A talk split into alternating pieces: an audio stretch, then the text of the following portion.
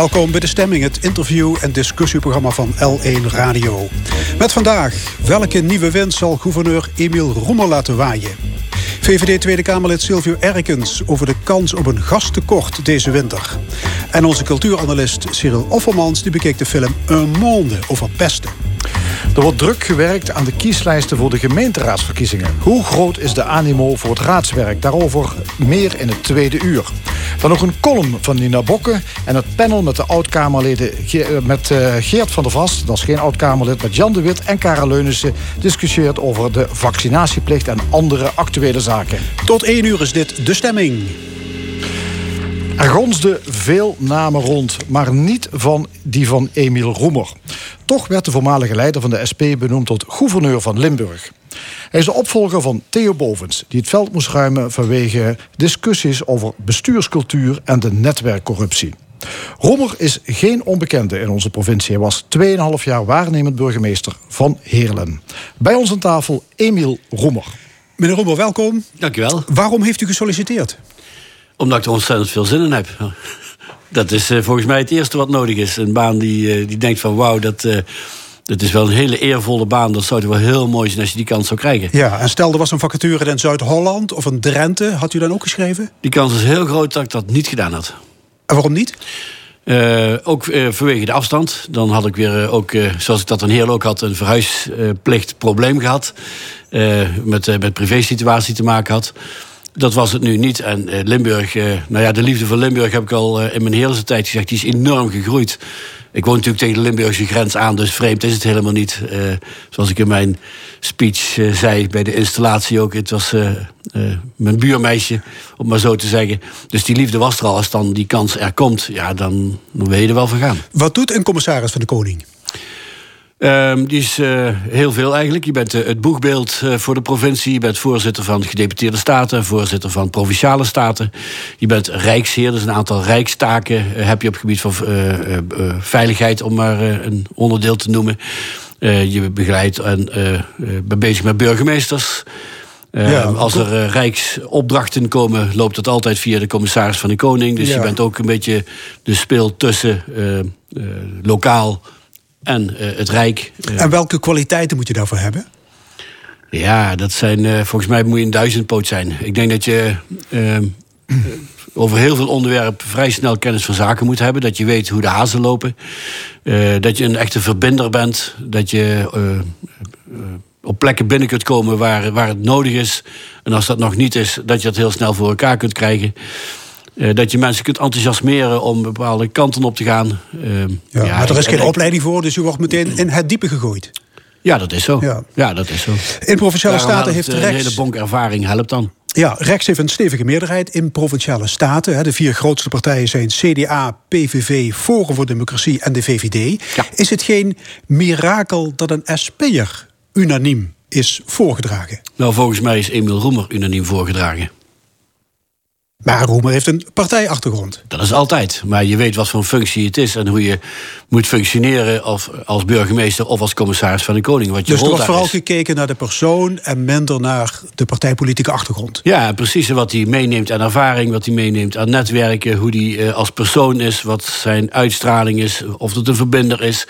Dus ik denk dat er veel meer gekeken wordt naar de persoon in kwestie ja. dan naar de partijachtergrond. Maar toch, u bent de eerste SP-commissaris van Nederland. Ja. Uh, u was ook de eerste SP-burgemeester. Een felicitatie, maar dat. Uh, ja, nou, denk ik bij deze gefeliciteerd. Ja, dank u wel. Maar uw partij had nooit belangstelling voor dit soort functies.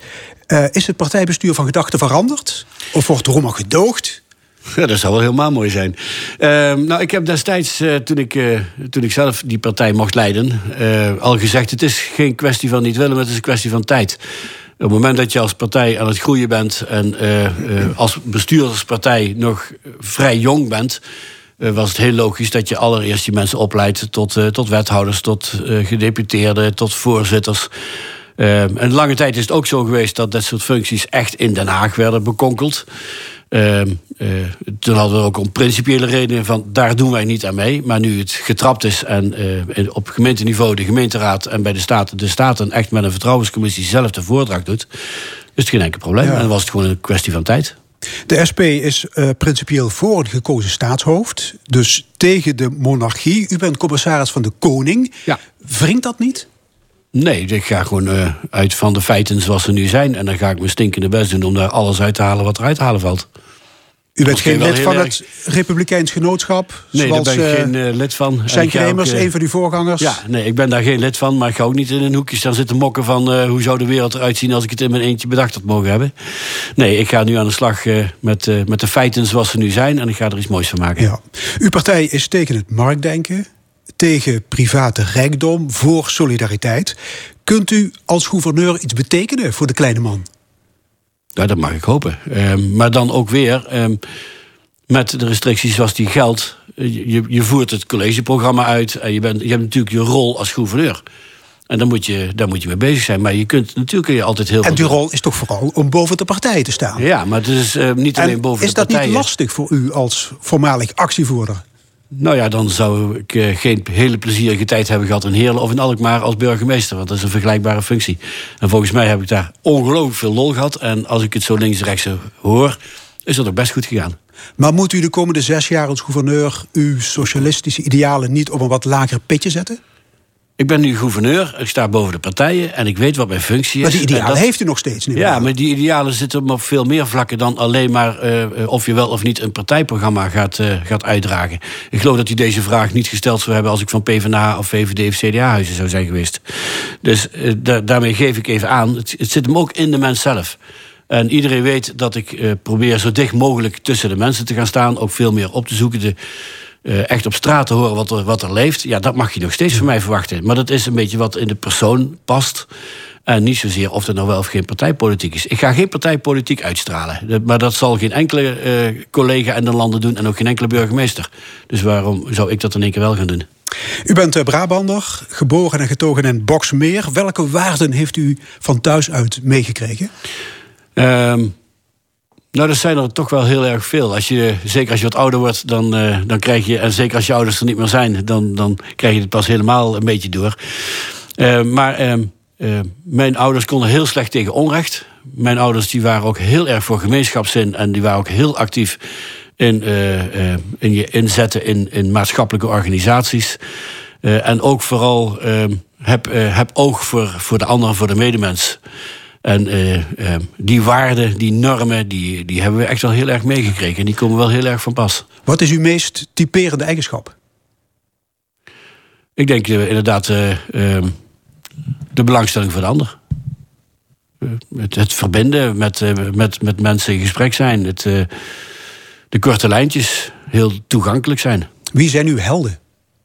Ja, ik ben nooit zo echt van de helden. Dat is maar heel relatief. Vandaag kun je een held zijn en morgen kun je van je voetstuk vallen en dan, uh, dan blijft er heel weinig van over.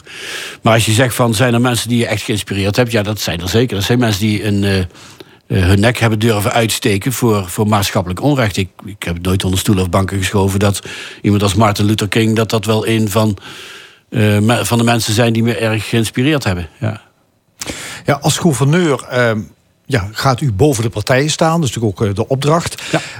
Maar u bent wel de eerste gouverneur in Limburg sinds 1945 die niet van het CDA of de KVP de voorganger is. Wat gaat dat betekenen voor Limburg? Geen flauw idee. Dat is natuurlijk een hele moeilijke vraag om voor mij te beantwoorden. De geschiedenis kan ik niet veranderen. Ik kan wel een, uh, van invloed zijn op de toekomst. Ja. En dan moeten mensen uh, na mijn periode maar zeggen of er iets veranderd is en zo ja wat. En dan kom ik wel terug om te, om te zeggen van of ik het ermee eens ben. Ja. Maar de, de, de vorige gouverneurs die kwamen natuurlijk uit dat netwerk. Dat netwerk van het CDA. Die hadden een bepaalde ja, kring in, in Limburg. Dat, daar komt u niet uit vandaan. Is dat, gaat dat niet iets veranderen? Ongetwijfeld misschien. Ja, als je. Kijk, in, uh, nieuwe mensen hebben ook. Uh, uh, die brengen ook weer nieuwe dingen mee. Dat is zo. Die brengen ook weer nieuwe netwerken mee. Maar het is denk ik ook vooral wat de Staten zelf ook wil. Ik bedoel, de staten bepalen de koers en de richting. En als de staten met mij van mening zijn dat, we, dat uh, de vernieuwing van de samenleving ook een vernieuwing van de politiek nodig heeft, dan moet je daar samen aan gaan werken. Dat krijg ik in mijn eentje nooit klaar. Dan zul je samen dat allereerst moet, uh, moeten beseffen dat wat er veranderd moet worden.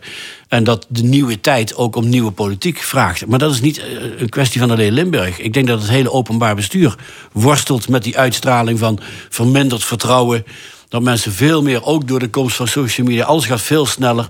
Dat mensen veel meer transparantie willen. Veel meer willen weten hoe zij besluiten nu tot stand gekomen. Wie hebben daar invloed op gehad? En vooral lost dat überhaupt het probleem wel op? En ik denk dat dat een, een zware opgave is voor het hele openbaar bestuur. Van gemeente tot en met het Rijk. Ja. En dus ook van Limburg. Ja, wat natuurlijk decennia lang aanwezig is geweest, is toch een bepaalde netwerkstructuur. Het ons kent ons idee, zeker in Limburg, waar in het bestuurlijk denk ik misschien nog wat meer afgeslotener was dan in andere delen van het land. U refereerde in uw toespraak afgelopen woensdag ook aan netwerken, maar u prees ook het belang van netwerken. Ja, dat uh, netwerken dat, dat ons. Het lijkt wel tegenstrijdig als je iets nieuws wil gaan bereiken. Als je, zal maar zeggen, die oude bestuurscultuur wil achter je laten. Nee, ik waak, ik waak juist uh, voor het. Uh, um, als, als iets niet goed gaat, dat je niet gaat doorslaan naar de andere kant. Dat zie je nog wel eens een keer. Als er in één keer een probleem is, dan moet het veranderen. En dan slaat het in één keer door naar de andere kant. En dan is het nog steeds niet goed. Maar dan naar de andere kant op. En daarom heb ik dat voorbeeld van ons kent ons. Uh, ik, ik ken dat van mijn regio ook. Dat is een enorm voordeel. Ik ben zelf in mijn, mijn eigen woonplaats, zolang ik daar nog zit, van vier verenigingen lid. En met mij, mijn buurman en mijn buurvrouw en de overburen ook. En dat zegt iets over, over de saamhorigheid in een dorp. Uh, ik ben blij dat ik in een omgeving woon waar wij de buren kennen. En waar je op zijn tijd eens een keer samen de barbecue aansteekt. Uh, ik ken ook plekken in het land dat ze echt niet weten wie er boven, onder of naast hun wonen. En daarom zei ik al, ik heb veel meer het gevoel dat je dat vast moet houden, die saamhorigheid, dat je elkaar kent, dan die, in die geïndividualiseerde samenleving waar je elkaar niet meer ziet staan. En dat deel uh, wil ik behouden. Maar dan moet je oppassen naar wanneer slaat dat door. Dat dat ons kent ons de morele kompas aan het verliezen is. Ja, dan, ben je dus, dan ben je dus fout bezig. En dat gedeelte, voor zoveel dat er nog is, daar moet je voor waken dat dat dus niet meer gaat gebeuren. Maar dat kan ik niet alleen. Nee, maar als we het hebben over bestuurlijke transparantie, gaat het natuurlijk niet om de netwerken in de buurt waarbij je de barbecue eens een keer aansteekt. Nee. Dit gaat over bestuurlijke netwerken. Ons kent ons bij bestuurders. Nee, daar ligt de grens. Dat zegt hij terecht. Ja. ja, dat zegt hij terecht. Alleen zeker wel bij van. Ik ga nog niet zeggen dat ons kent ons alleen maar negatief is. Dat is niet zo. Ik ben blij dat ik in een regio woon en nu ook in een regio mag werken waar wij elkaar kennen en waar wij oog hebben voor elkaar. En wanneer iemand het lastig heeft, dat je zegt: kan ik voor jou even wat boodschappen gaan halen? Ik ben blij dat ik daar woon. Dat is namelijk ook die ons kent ons. Alleen pas op dat het niet doorslaat en dat dat doorslaat op. Uh, uh, uh, inderdaad, contracten of subsidies of het wel of niet controleren. Oh, die ken ik, dat zal wel goed zijn, dus die controle die hoeft niet dan raak je een moreel kompas kwijt die je nodig moet hebben. Waarvan iedereen zegt van ik heb daar gewoon recht op om te weten dat mijn belastingcenten correct en goed besteed worden. Dat we weten waar die terechtkomen. En dat die mensen gewoon deugen. En dat dat niet met vriendjes... Dat is heel logisch dat je daar veel scherper ja, je hebt gemeenschapszin aan de ene kant... en netwerkcorruptie aan de andere kant. Ja, en waar die grens precies ligt, ja, dat is een hele lastige. Er zal een grijs gebied bij zijn. En soms heb je ook wel eens dat iets wettelijk kan, hè, in dat grijze gebied. Maar dat je allemaal zegt, ja, het kan misschien wettelijk wel... maar moreel moet je dat niet willen. Ook daar moet je met elkaar scherp op zijn. En dat is wel misschien het vlak waar het meest transparant op moet zijn. Dat als je een keuze toch maakt dat iedereen ziet waarom je die keuze gemaakt hebt en dat ook snapt. Want als je niet uit kan leggen, zeg ik altijd, dan zal het waarschijnlijk wel niet deugen. Ja, want dat, dat is die vertrouwenscrisis waar u het ook over had. Hè. Die ziet u eigenlijk in heel Nederland. U zegt, het is in Limburg niet meer dan in de rest van het land. De vertrouwenscrisis tussen de burger en het bestuur. Nou ja, het grootste voorbeeld is natuurlijk eh, die hele toeslagenaffaire. Die is gebaseerd op puur wantrouwen. Van we moeten ongelooflijk hard en streng controleren. Want als er iets misgaat, dan is het dus corruptie of dan is het fraude. Ja, en dan zie je dus wat dat voor gevolg heeft gehad. En nog steeds. Wat, wat, wat zou u daar als gouverneur van Limburg, wat zou u kunnen betekenen om dat wantrouwen in het bestuur en in de politiek eh, dat gegroeid is de afgelopen jaren, om dat ja, weer te doen omslaan? Nou, wantrouwen eh, omslaan naar vertrouwen krijg je alleen maar als mensen op een gegeven moment zien wat er verandert en zien wat er gebeurt en zien dat hun problemen daadwerkelijk serieus worden genomen en opgelost. Ja. En dat, zal heel, dat is een lang traject, want vertrouwen, dat gaat, uh, wantrouwen dat gaat heel, heel snel en vertrouwen winnen, dat is echt iets van een lange adem. Daar moet je echt drie, vier, vijf keer bewijzen dat je het anders doet en dat je er oog en oor voor hebt. En dat mensen ook de vrijheid moeten hebben en niet de angst om het te melden, om te zeggen van klopt het daar wel? Dat geldt voor de samenleving, dat geldt voor het ambtelijk apparaat. Als ze denken van wacht even, is dat wel goed? Als ze niet denken van nou hou mijn mond wel dicht, want anders gaat mijn kop eraf. Ja, dat, dat, dat is natuurlijk enorm ingewikkeld om dit allemaal aan te pakken. Gaat u mensen aanspreken hierop? Gaat u hier achteraan? Nou, wat denkt u? Ja, daar zitten we natuurlijk de crux. Daar moet je scherp op zijn. Als iemand het. Ik heb dat al vanaf mijn eerste dag ook intern gezegd. Iedereen moet zich vrij voelen om te melden als ze denken van ik heb daar geen goed gevoel bij. Als mensen dat, als mensen dat niet meer vrij kunnen zeggen en op de, dat het op de plek komt waar het thuis hoort, dan schieten we nog geen ene malle moer op. daar begint het. Het vertrouwen hebben dat je dat kwijt kunt en dat dat ook gewaardeerd wordt dat je het zegt, ook al is dat even niet leuk. Maar daar begint het. Meneer Roemer, als gouverneur ben je verplicht om in de heimaat te gaan wonen. Dat is de reden waarom u gaat verhuizen van Boksmeer naar ergens in Noord-Limburg? Ja, ja de, de woningmarkt is, uh, is nog niet zo dat ik vandaag kan zeggen van nou, ik, uh, zoek eens even wat makkelijkheid. Maar, uh, Verschrikt van de prijzen? Nou, er komt niet zo heel veel, niet zo heel veel nieuws op de markt. Dus, ja. maar nog, niks, nog niks op het oog? Nou, we zijn, we zijn vol aan het zoeken. We hebben al een aantal plekken even bekeken, een paar woningen bekeken. Maar de, de juiste zit er nog niet bij, maar we werken er heel hard aan. Is het niet onhandig om in Noord-Limburg te wonen als je kantoor in Maastricht staat? nee hoor. Zoals het ook niet uh, onhandig was dat ik in Den Haag in de Kamer werkte, maar mijn voelsprieten in Boksmeer had en Zambik had. Ja. Dus het is heel mooi dat, uh, dat je je voelsprieten uh, niet alleen op je werkplek. Je gouverneur voor de hele provincie Precies, natuurlijk. Maar heb ik ook mijn voelsprieten in Noord-Limburg. En de dienstauto zal de nodige kilometers gaan maken. En anders mijn eigen auto wel. Wat gaat u de eerstkomende tijd doen? Heeft u een plan de campagne? Nou ja, het is natuurlijk corona, dat maakt het niet gemakkelijker. Het is vooral uh, de eerste periode heel, veel inwerken. Het is natuurlijk niet allemaal nieuw, maar uh, ik probeer zoveel mogelijk mensen te leren kennen. Uh, de dossiers uh, nog meer eigen te maken. En vanaf komende week ook heel veel werkbezoeken te gaan doen, maar dan coronaproef. Ja.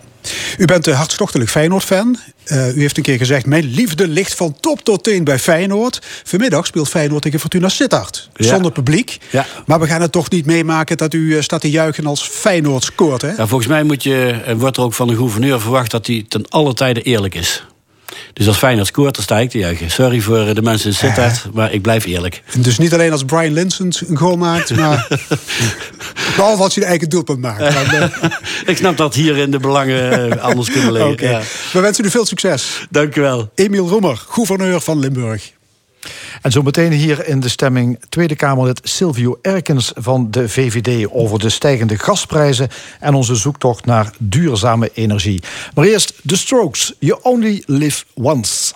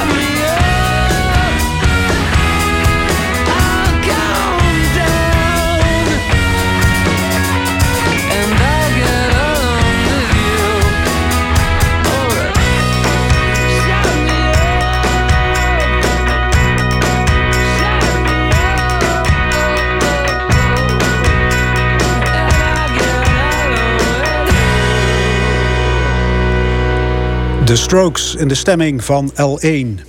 De gascrisis is nog altijd niet voorbij. Sterker nog, het Limburgse VVD Tweede Kamerlid Silvio Erkens is bang dat we deze winter te maken krijgen met tekort aan gas. Zeker als het een strenge winter wordt. Slecht voorteken het omvallen van vier energieleveranciers. Hij vindt dat we ons moeten bezinnen op een gasstrategie. Ook is hij voorstander van de bouw van nieuwe kerncentrales. Al was het maar om de klimaatdoelen te halen. Aan tafel VVD Tweede Kamerlid Silvio Erkens. Goedemorgen. Ja, goedemorgen. Hoe bevalt het Kamerlidmaatschap u tot zover? het is in ieder geval niet saai in het eerste jaar. Het is bijzonder een, uh, half jaar? Het is een bijzonder half jaar geweest, ja. Sinds uh, maart uh, gekozen in de Tweede Kamer. En ehm, nou, goed, zoals jullie ook weten, de formatie loopt nog. Een coronacrisis en nog een heleboel andere zaken... die je meestal niet in je eerste maanden voor de kiezer krijgt. Dus het is anders dan anders. Ja. U bent 31, zeker voor een Kamerlid is dat toch eigenlijk nog redelijk jong. Waar sta je dan in de parlementaire pikorde als nieuweling? Dat valt nogal mee. Dat zijn meer jonge mensen in de Tweede Kamer. Dus ik ben niet de jongste in mijn partij. Er is een ander Kamerlid, die is, die is 28. En de eerste weken zie je wel inderdaad dat mensen die daar al langer rondlopen... natuurlijk wat meer senioriteit hebben. Maar als je gewoon je werk uh, maandenlang goed doet... je dossiers leest en kent... en gewoon een goede professionele collega bent... dan valt die leeftijd heel snel weg in de verhoudingen. Ja. Hoe interessant ook, eh, politiek trekt ook negatieve aandacht. Eh, Kamervoorzitter Vera Bergkamp die heeft deze week zelfs aangifte gedaan van bedreigingen tegen Kamerleden. Dat maakt het werk denk ik niet echt leuker, aantrekkelijker. Nee, zeker niet. En je wilt ook in de toekomst volgens mij dat toch uh, jonge, goede mensen voor de politiek blijven kiezen. Uh, want je wilt ook gewoon ja, nieuw bloed erin krijgen. En dat helpt me natuurlijk niet mee. Je ziet wel dat het verschilt per uh, persoon. Dus afhankelijk van wat je in je portefeuille hebt qua onderwerpen, kun je ook voorstellen dat er meer negatieve of zelfs bedreigende reacties komen. Ik doe zelf klimaat en energie, dus ik heb dat zelf gelukkig niet ondervonden. Uh, maar goed, collega's die met uh, corona bezig zijn en dat soort thema's, nou, het leeft natuurlijk enorm. Ja, die praat, veel praten jullie daar veel onderling over? Is dit een gesprek? Ja, ja? Het, is zeker, ja, het moet ook bespreekbaar zijn voor elkaar, zodat je elkaar ook kan steunen. Want het, ja, het gaat je niet in de koude kleren zitten natuurlijk. En er zit wel vaak een onderscheid bij uh, anonieme e-mails die mensen ontvangen. Vergeleken met soms ook wel heel persoonlijke berichten, die ook richting iemands familie gaan. Dan wordt het natuurlijk heel naar, want die wil je gewoon niet betrokken krijgen hierbij. Ja. Alle ogen zijn natuurlijk gericht op de formatie. Ik neem aan dat jullie als VVD-fractie eh, goed bijgepraat worden door Mark Rutte. We worden goed bijgesproken, inderdaad. En volgens mij zijn we allemaal toe aan een uh, snel kabinet, regeerakkoord en een nieuwe ploeg. Want voor mij heeft het voor iedereen wel lang genoeg geduurd. En uh, zijn er voldoende problemen om mee aan de slag te gaan. Ja, hoe lang gaat het nog duren? Ik durf er geen uitspraak meer over te doen. Ik heb het een paar keer geprobeerd en ik zat steeds mis. Dus uh, laten we afwachten. Maar ik hoop heel snel ondertussen. Maar jullie worden toch goed bijgepraat, dus jullie moeten toch een, een inschatting moet u toch kunnen maken? ja, als ik dan een inschatting maken en dan zit ik fout, dan sta ik natuurlijk ook al voor lul in de ja? komende periode. Dus ik ga me er niet in branden. Nee. Zo gedetailleerd zijn die gesprekken dan ook weer niet? Nou, je kunt je natuurlijk niet vastpinnen. Hè. Ik bedoel, uiteindelijk wil men gewoon een goed regeerakkoord. Een nieuwe ploeg mensen die dat, die dat gaat uitvoeren. En als dat een week langer duurt of een week sneller kan, dan ja, maak je die afweging dan gewoon. Volgens mij is het nu gewoon van belang dat er een kabinet komt. Ja, wat, wat zijn de laatste pijnpunten nog in die onderhandelingen? Um, ja, dat verschilt natuurlijk ook. Ik bedoel, ik kan er niet te veel over uitweiden. Uh, hier, dat snapt, dat snapt u uiteraard ook volgens mij. Maar goed, er zijn vaak wel de grote dossiers die in de uitruil tegenover elkaar gezet moeten worden. En dat je vaak ziet over de zaken waarover je het eens bent, dat is al vaak veel eerder besproken. Ja. Dus, um, en daar, daar kan ik het bij laten.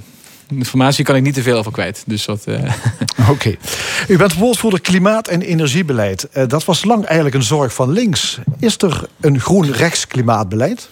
Ik zou het niet groen-rechts willen noemen. Die term uh, die is eerder gebruikt, volgens mij tien jaar geleden. En um, die viel niet altijd even goed. Maar ja, klimaatverandering. Wat met de koker van Mark Rutte zelf toen? Klopt, ja, ja. Die was misschien zijn tijd voor toen. Um, maar klimaatverandering vindt plaats. Uh, de wetenschap heeft daar ook geen twijfel over. Ik bedoel, we hebben de overstroming in Limburg uh, ook meegemaakt. En heel veel ander extreem weer dit jaar natuurlijk ook. Bosbranden in Australië, ga zo maar door. Iedereen heeft volgens mij op de tv gezien. Dus het is niet een links- of rechts onderwerp. Uh, het is ook echt ons onderwerp. Ja, de VVD was lang natuurlijk toch niet echt een voorloper op dit gebied. Waarom zou het anders moeten, volgens u? Nee, dat klopt. De VVD was niet degene die voorop liep op klimaatbeleid. Uh, dat hebben we ook in meerdere debatten dit jaar eigenlijk al, al toegegeven. En ja, ik ben van mening, en de rest van de partijen ook, dat dat nu gewoon anders moet. Uh, want je ziet gewoon dat uh, ja, als je zelf niet met plannen komt, dan moet je de plannen van andere partijen gaan overnemen. En daar zijn we het niet altijd mee eens. En volgens mij is een liberaal geluid op klimaatbeleid verstandig, realistisch, doordacht. Ook voor de betaalbaarheid van mensen thuis. Daar is volgens mij voldoende ruimte voor. En ook zo kun je ambitieus zijn. Is dit een vlucht vooruit? Want vaak kwamen die voorstellen natuurlijk van links. Dus de VVD denkt nu, dan moeten we het zelf oppakken om te voorkomen dat anderen er met de voorstellen en de ideeën en de plannen vandoor gaan? Nou, ik zou, ik zou het niet een vlucht vooruit noemen. Volgens mij is het ook de erkenning dat we inderdaad niet voorop gelopen hebben bij een heel belangrijk maatschappelijk probleem. Waar vooral ook de nieuwe generaties, nou, waaronder ik zelf, ik ben 31, me zorgen om maakt. En het is gewoon tijd voor een echt VVD-verhaal daar ook op. En uh, nou, had ik dat liever eerder gezien? Ja, uh, maar daar gaan we nu mee aan de slag. Ja, maar als jong VVD-Kamerlid ziet u dat probleem ook en moet dat aangepakt worden. Dat is wel, dat, dat is, wordt daar in de fractie over gesproken? Is dat inderdaad iets waar jong en oud van mening verschillen? Ik denk dat het in het verleden meer het geval was. Maar ook bij ons zie je nu wel dat er overeenstemming is dat het een belangrijk probleem is. En dat ook de VVD gewoon haar verantwoordelijkheid hierop moet nemen. Dus ik zie die scheidslijn niet meer. Maar je merkt wel natuurlijk dat de jonge generatie er nog enthousiast om in de slag wil gaan. Ja, een derde van de CO2-uitstoot in Nederland komt van grote industriële bedrijven. En die CO2-uitstoot is natuurlijk een groot probleem als je het hebt over de klimaatverandering. U bent de afgelopen maanden bij de grootste uitstoters langs gegaan in Nederland, waaronder Gemmelot en Geleen. Wat is die indruk? Hoe kunnen die grote industriële bedrijven, hoe kunnen die die reductie van CO2-uitstoot gaan realiseren? Ja, ik ben heel optimistisch geraakt van die bezoeken aan die bedrijven. Dus ze hebben allemaal wel plannen en beelden over hoe ze CO2 kunnen reduceren. En vaak valt dat ook samen met gewoon het vernieuwen van zo'n heel productieproces in de industrie. Dus je kijkt naar Tata Staal in Muiden. Het is veel in het nieuws geweest dit jaar. Ook voor de, de vervuiling van de omgeving. Eh, speeltuinen die vervuild waren en ga zo maar door. Het kon gewoon niet langer op deze huidige voet door. En wat je vaak ziet is dat CO2-vermindering Um, en ook andere milieuverontreiniging, die vinden elkaar vaak wel als je die processen vernieuwt. Dus dat zit op en niet meer met kolenstaal maken, maar met groene waterstof in de toekomst. Dus gewoon een schone brandstof, waarmee ook een heleboel andere vervuiling weggaat in de omgeving. Dus het biedt ook kansen voor die bedrijven om juist in Nederland te kunnen blijven. Want volgens mij Um, als je kijkt naar de staalindustrie, inderdaad. Ja, ik kan me niet voorstellen dat we over 30 jaar nog steeds die vervuiling accepteren in omgevingen waar kinderen ook gewoon vervuilde licht. Nou ja, 30 jaar. Ik denk dat we het eigenlijk nu al niet accepteren meer. Ja, ja. precies. Ja. Uh, er zijn enorme investeringen nodig om die grote industrie, om die, uh, om die uh, duurzaam te, te maken, te, te, verduurzamen. Bijvoorbeeld uh, enorme buisleidingen van de Noordzee naar Gemmelot in Geleen. Wat, wat moet er met die, door, door die buizen gaan? Wat, waarom moeten die daar komen? Ja, dan moet onder andere die waterstof doorheen gaan, waar ik het net over had. Dus dan dus... elektriciteit die je opwekt op zee, ja. waterstof vermaakt... en dan gaat het door die buis richting Geleen. Ja, en dan kan het brandstof dienen in Gemelot voor de productieprocessen daar. En waarom dat van belang is, is omdat een heleboel van die industriegebieden in Nederland... die liggen aan de Noordzee. Uh, dus je kunt vrij makkelijk groene stroom krijgen of ook waterstof die geproduceerd wordt op zee. Maar Gemelot ligt natuurlijk in Limburg. Dus wij liggen niet aan de Noordzee. Um, dus je moet gaan bedenken hoe komt Gemelot aan die dure, duurzame energie wat ze nodig hebben. En dat is dus via buisleidingen. Waardoor je ook niet op de weg natuurlijk allemaal vrachtwagens met brandstof hierheen moet laten gaan rijden. Ja, kost enorm veel geld. En de laatste berekeningen laten zien dat het nog weer veel duurder wordt. Wie moet dit allemaal gaan betalen?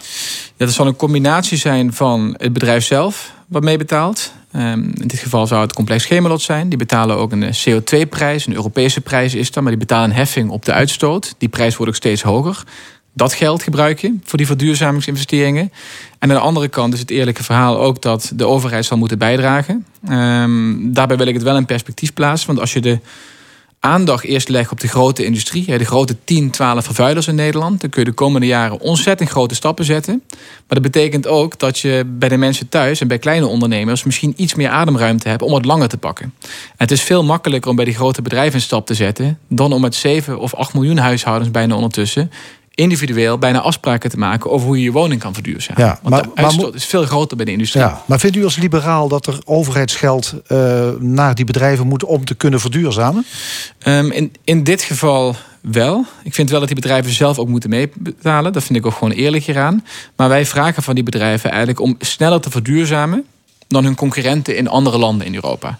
En als zij dat moeten gaan doen en wij verplichten het, en andere landen doen het niet, dan kunnen die bedrijven omkiepen of dan vertrekken gewoon bedrijven over de grens omdat daar de regels anders zijn en de kosten lager zijn. Dus als wij willen dat die bedrijven hier eerder een stap zetten, dan moeten we als overheid ook bereid zijn hun te helpen erin. Want anders raken we ook die werkgelegenheid kwijt. Ja. Voorlopig zitten we natuurlijk nog vast aan uh, fossiele brandstoffen. Hè. Daar kunnen we niet uh, heel snel vanaf. Uh, u maakt zich zorgen over onze aardgasvoorraad op korte termijn. In deze winter al. Um, ja. Hoe nijpend is het probleem? Ja, het, is vrij onzeker op dit moment nog. En dat baat mij wel zorgen. We hebben natuurlijk twee maanden terug al uh, overal het nieuws kunnen volgen dat die gasprijzen door het dak gingen. Nou, die zijn nu iets gedaald, maar die zijn niet laag geworden. Dus ik kan me voorstellen dat mensen nog steeds denken van... oké, als mijn tarieven nog omhoog gaan in januari... hoe hoog gaan die zijn? Dus mensen maken er zorgen om. Maar wat je ziet is dat de voorraden eh, historisch laag zijn. Zowel in Nederland als ook in andere Europese landen. Nu zitten die voorraden voor de huishoudens gelukkig vrij goed vol. Dus ik heb niet te verwachten dat mensen uh, thuis zonder gas komen te zitten. Maar die voor de industrie die zit bijvoorbeeld nou op 40% vol. Uh, voorafgaand aan de winter. Dus, dus privé, huishoudens, daar denkt u van... die hoeven zich geen zorgen te maken dat ze in de kou komen te zitten de komende winter. Ja, ik denk dat wel. Qua voorraden dat ze niet in de kou komen te zitten. Maar als het allemaal krap is, dan zie je dat die prijzen natuurlijk ook al zullen stijgen. Dus ook daarvoor moet je oppassen. Dat we niet nogmaals die prijzen enorm zien stijgen. Die stap is al heel groter gezet. Is. Veel mensen hebben er al moeite mee. Dat compenseren we al deels. Maar nog steeds komen mensen in de klem te zitten. Maar als je kijkt naar de industrie, ja, het betekent dat het gas op is. Um, en alle andere landen in Europa hebben daar ook problemen mee. Dan kun je niet 1, 2, 3 ervan uitgaan dat je nog kan inkopen ergens. Ja, wat kun je daar tegen doen? Ja, deze winter nog vrij weinig, is alle eerlijkheid. Uh, wat andere landen vaak doen, is grotere voorraden aanleggen. Verplichten dat die ook vol zitten voor de winter. Dat heeft Nederland ook niet gedaan. Waarom doen we dat niet? Ja, mijn, mijn gevoel is dat we een luxe positie hebben gehad als Nederland. We hebben in het verleden natuurlijk de gasproductie in Groningen gehad. Die was heel groot. Waardoor we eigenlijk altijd vanzelfsprekend ervan uit kunnen gaan dat we voldoende betaalbaar gas hadden in Nederland. Andere Europese landen hadden die luxe niet. Dus die hebben toch al vaak veel meer maatregelen genomen om te voorkomen dat je in de winter in de kou komt te zitten. En in Nederland zie je nu dat nu we minder uit Groningen halen en steeds minder en het ook terecht gaan sluiten, wat mij betreft. Um, ja, dat we nog niet echt nagedacht hebben over hoe we dan aan onze energie komen. Ja, niet ja, u, zegt, u, zegt, ook deze winter kan ik er weinig aan doen. Dus uh, we blijven zitten met tekorten en met nog hogere prijzen dus. Ja, het ligt eraan hoe koud de winter wordt. Dat is de onzekerheid. En wat je ziet is dat uh, je natuurlijk wel oplossing kan bedenken. Dus een bepaalde industrie kan tijdelijk besluiten... we gaan de productie beperken, zodat we minder gas nodig hebben. En zo kom je de winter wel door, maar het is niet ideaal. Maar het kost gewoon ook heel veel geld natuurlijk... om zo'n bedrijf te sluiten tijdelijk. Ja, en dat zijn vaak wel de maatregelen... waar andere landen heen kijken bij een tekort. Ja, is het slim om mensen te compenseren voor die hogere gasprijzen? Nou, dat doen we nu al. Dus van begin januari krijgen mensen volgens mij al een belasting teruggaaf. Maar het is natuurlijk nog maar peanuts op het hele bedrag. Dat klopt, dat is een heel beperkt bedrag nog. En als die prijzen weer opnieuw gaan stijgen, zullen we er ook heel eerlijk gezegd weer opnieuw in moeten kijken. Ja. U bent voorzet, uh, voorstander van uh, kerncentrales, nieuwe kerncentrales in Nederland. Um, natuurlijk richting uh, verduurzaming. Um, is dat, zal maar zeggen, is, is dat onvermijdbaar als wij af willen van ons gas? Ja, dat is onvermijdbaar. Um, als je heel eerlijk bent. Uh, want je ziet de komende 10 jaar, 15 jaar gaan we nog gewoon fossiele brandstoffen nodig hebben. Gas, olie. Maar je moet ook gaan kijken naar wat je dan in de toekomst um, kan neerzetten om dat te vervangen. En we investeren al veel in windmolens, vooral op de Noordzee. We investeren veel in zonnepanelen op het dak. Volgens mij heeft Nederland, als je kijkt naar het aantal inwoners, tweede meeste van de wereld al. Maar goed, in de winter, dat weten we zelf ook, eh, schijnt de zon niet heel veel. En kan het soms ook best wel windarm zijn. En wat is dan die duurzame bron wat dan inspringt? En de enige op dit moment die echt op grote schaal beschikbaar is, is kernenergie erin. Ja, maar u weet ook als je met als je kerncentrales wil gaan bouwen, je krijgt enorm veel weerstand. Um, je kunt je afvragen of, of je daarmee je doel gaat bereiken. Want je, ja, je weet zeker toch dat er heel veel mensen hier tegen een opstand zullen komen. Deels, daar ben ik deels eens, denk ik. Uh, je ziet dat wel het maatschappelijk sentiment echt veranderd is de laatste jaar. Van bij meer dan 60% van Nederland is nu voor meer kerncentrales. Uh, er staat in principe in Zeeland al een kerncentrale, Borselen is dat. Daar is ruimte ook voor nieuwe kerncentrales te bouwen. Dus ik zou zeggen, begin daar waar al draagvlak is. En dan heb je natuurlijk ook een aantal jaren de tijd om te kijken waar je verder aan de slag wil gaan. En de mensen te overtuigen om te laten zien dat we het afval echt goed en veilig kunnen borgen. Want dat is gewoon vaak toch het grote nadeel wat mensen noemen. Dat is ook het grote grootste zorg van mensen. Ja, ja. dat is de grootste zorg. Uh, je moet het wel in perspectief plaatsen. Het gaat bij een kerncentrale om één kliko uh, per jaar gewoon een, uh, je tuinafval eigenlijk ook in doet aan, aan kernafval. Dat wil je natuurlijk niet ergens laten rondslingeren. Dan moet je ontzettend goed borgen. Maar we hebben daarvoor ook al gewoon een plaats in Zeeland. Uh, een soort van ja, gepanzerde bunker bijna waar het nu in ligt. En in de andere landen zijn ze nu aan het kijken naar hoe kun je dit voor de lange termijn goed borgen. In Frankrijk, in Finland. Uh, dus dat nadeel is wel gewoon heel goed beheersbaar. Oké, we, gaan het, uh, we gaan het volgen, want uh, er is nog veel discussie over natuurlijk onze verduurzaming van uh, de energie. Dank u wel, VVD Tweede Kamerlid Silvio Erkens. Dank je. U luistert naar de stemming. We zijn er iedere zondag van 11 tot 1. Zometeen onze cultuuranalist Cyril Offermans over de film Un Monde. Eerst muziek, Madcon met Begging.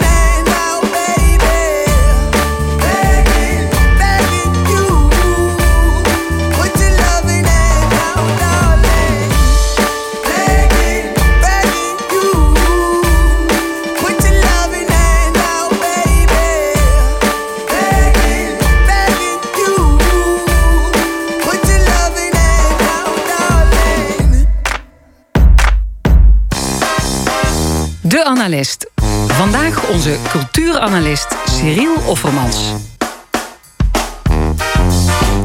Cyril, welkom.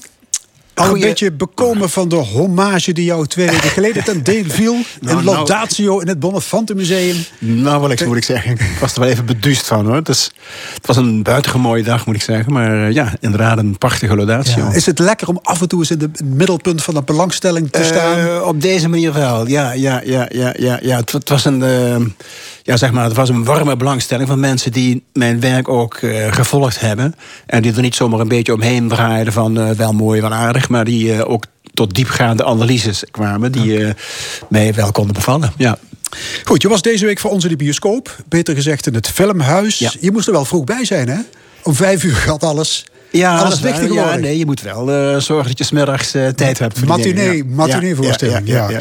Je bent gaan kijken naar de film Un Monde. Ja. Een Belgische film. Wat is het voor een film? Nou, het is om te beginnen een hele, ja, laat ik maar zeggen, een hele bijzondere film. Dat, eh, anders had ik het er waarschijnlijk ook niet over nu. Ehm, de film gaat over onderwijs, maar eigenlijk niet zozeer over onderwijs als wel over de manier waarop jonge mensen voor het eerst in een heel andere wereld terechtkomen. En die wereld is voor die jonge mensen bedreigend. Om het iets concreter te maken, want dat is van mede aan heel concreet die film. Het gaat over een meisje, zes, zeven jaar oud, die bij de schoolpoort afscheid neemt van haar vader. Die vader zie je maar heel kort, heel even. Je, hebt, je krijgt ook gedurende de rest van de film geen duidelijk beeld van die man. Eh, je, je weet hoogstens dat hij geen echtgenoot meer heeft. eh, staat er alleen voor. Maar meer achtergrond krijg je niet. Je ziet dat meisje, zes, zeven jaar oud... eh, aan de hand van haar iets oudere broer... een speelplaats oplopen van een school meisje is duidelijk bang, onzeker, kijkt voortdurend om naar de vader. Maar ja, die is uit beeld verdwenen, ziet ze niet meer. En eh, ze gaat die school binnen en van af aan richt de camera zich heel expliciet en nadrukkelijk alleen op haar. De film is eigenlijk heel radicaal vanuit haar perspectief verteld. Ehm, en dat gebeurt met allerlei technische middelen, wordt dat versterkt. Eh, je ziet bijvoorbeeld dat kind de hal van die school ingaan. En op hetzelfde moment zie je de hele omgeving vervagen. Wordt vaag in beeld gebracht. Zoals je dat bij close-up opnames ziet van een achtergrond. Zo wordt haar hele, he- haar hele context verdwijnt in een schimmige, in, schimmige mist, zou je kunnen zeggen. Eh, tegelijkertijd neemt, neemt de herrie toe. Ehm, het gejoel, het gestomp, het gestoei van die kinderen in de hal. ehm, dat, dat neemt een oorverdovend, het is een lawaai. En dat, dat, dat, je ziet dat dat kind daar heel bang van wordt. En elke vorm van oriëntatie verliest. Haar broertje raakt ze ook kwijt in die, in die melee van gewoel, woedende kinderen. En ehm, het, de hele film is er dus op geconcentreerd om het bewustzijn van dat meisje vast te leggen. En je ziet dat dat kind bang is en zich geen raad meer weet en aan haar lot is overgelaten. Dan, nou ja, dat is eigenlijk het uitgangspunt. Er is verder geen context. Er wordt niet verteld waar het kind vandaan komt, eh, wat voor soort jeugd ze hiervoor gehad heeft, of ze wel of niet eerdere vriendjes heeft gehad die haar in het leven, laat ik maar zeggen, een wat makkelijker toegang tot dit soort eh, gebeurtenissen gaven. Dat is allemaal onduidelijk. Ehm, maar goed, dat is hartverscheurend. Ja. Want het schoolplein als hel. het schoolplein als hel. Want de film speelt zich ook niet zozeer in de school af. Je ziet wel af en toe opnamen in de klas, maar die zijn duidelijk in de minderheid. Eh, het, speel, het is vooral het, het speel, de, de speelplaats, speelplein. En ehm, daar gebeuren de meest verschrikkelijke dingen. Als je dat van heel nabij bekijkt. En dat gebeurt in deze film dus. Hè. Je, krijgt nooit, je krijgt nooit een groot overzicht of wat dan ook. Je ziet dat kind bijvoorbeeld voortdurend aan haar broer trekken. Ze wil bij haar broer blijven, want die kan haar beschermen. Maar die broer, die ehm jaar of drie, vier ouder denk ik... die eh, heeft zijn eigen vriendjes. En die vriendjes, die zijn, die, zijn zoals het op die leeftijd gaat... die zijn voortdurend bezig elkaar te beconcurreren. eh, wie, wie het sterkste is, wie het, wie het iets kan... wie het meeste durft. En die pesten elkaar dus ook. En dat broertje is duidelijk de underdog in zijn eigen omgeving. Die wordt dus verschrikkelijk gepest. wer- werkelijk op een buitengewoon sadistische manier. Dan zoekt dat meisje, wil die broer helpen. Maar die broer weigert die hulp, want die is bang dat hij dan voor een mietje nog erger wordt uitgescholden. En nog meer de klos is. Want wie gaat er nou met zo'n. Hij wil die hulp helemaal niet. Hij wil die me- dat medelijden niet. En het gaat zo ver dat hij dat meisje, dat zich toch al heel erg alleen voelt, van zich afstoot. En zelfs haar verbiedt om tegen hun vader, die dus heel af en toe aan de rand van het eh, speelveld en speelplein bedoel ik, in beeld komt, eh, te vertellen wat er eigenlijk gebeurd is. Die jongen heeft op een gegeven moment een eh, blauwe plek onder zijn oog, is duidelijk mishandeld, is met zijn kop in, een, in de, in de, in de wc-pot geduwd en met heel veel geweld ging dat gepaard. maar die jongen zegt tegen zijn zusje: dat mag je absoluut niet tegen mijn vader vertellen, want dan wordt het alleen nog maar erger. Dus dat meisje komt in een geweldig loyaliteitsconflict. Ze wil die broer helpen, ze wil ook haar vader op de hoogte stellen, hun vader op de hoogte stellen van wat er wat zich voor een ellende, sadistische praktijken zich afspelen op dat schoolplein. Maar ze durft dat niet, want dan krijgt ze met haar broer te maken... die dat per se niet wil hebben. Dat dat verteld wordt, dat dat bekendgemaakt wordt. Dus dat meisje vereenzaamt nog meer op dat schoolplein... en weet zich dus eigenlijk helemaal geen raad meer... en krijgt ook eigenlijk van niemand hulp. Nou, dat is eigenlijk de inzet van de film. Is die film vergelijkbaar met andere schoolfilms? Afwaren, Eteren nou- en Kinderen van Juf Kiet. Is, is, zijn er gelijkenissen? Nou, nee, eigenlijk niet. Misschien wel wat niveau betreft, maar het is eigenlijk een totaal andere invalshoek. Bij Juf Kiet eh, is het zo dat je van af aan een, een, een onderwijzeres ziet... die zich over die kinderen ontfermt. Die heel liefdevol en met geduld op, omgaat met die kinderen. Dat soort personages ontbreken in die film eh. Eh, er, er zijn wel een paar, uiteraard zijn er een paar onderwijzeressen... maar die komen maar heel sporadisch in beeld. En ehm, op een gegeven moment is er één onderwijzeres... van wie je denkt, die heeft enig begrip voor dat kind... die ontfermt zich ook even over dat meisje... Ehm, maar die blijkt dan ook notabene nog eh, op het punt van vertrek te staan... en naar een andere omgeving te verhuizen. Dus eigenlijk is er nergens een houvast voor het kind. En er is ook nergens iets, geen instantie waar ze terecht kan... met haar klachten, met haar verdriet...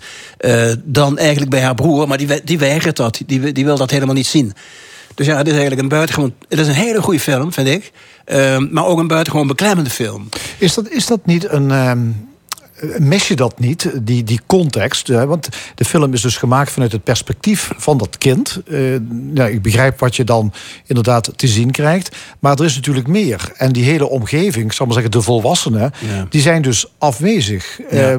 Eh, had je niet meer willen zien van de rollen die de professionele mensen, dus de leerkrachten in dit geval, aannemen? Ja, die neiging had ik. sorry. Dat, die, eh, die, dat gevoel had ik wel af en toe. Want inderdaad, eh, je denkt, er moet toch op die school iets meer gedaan. Die moeten toch eh, oog hebben voor, dat, voor die kinderen die zo gepest worden, die er zo onder lijden.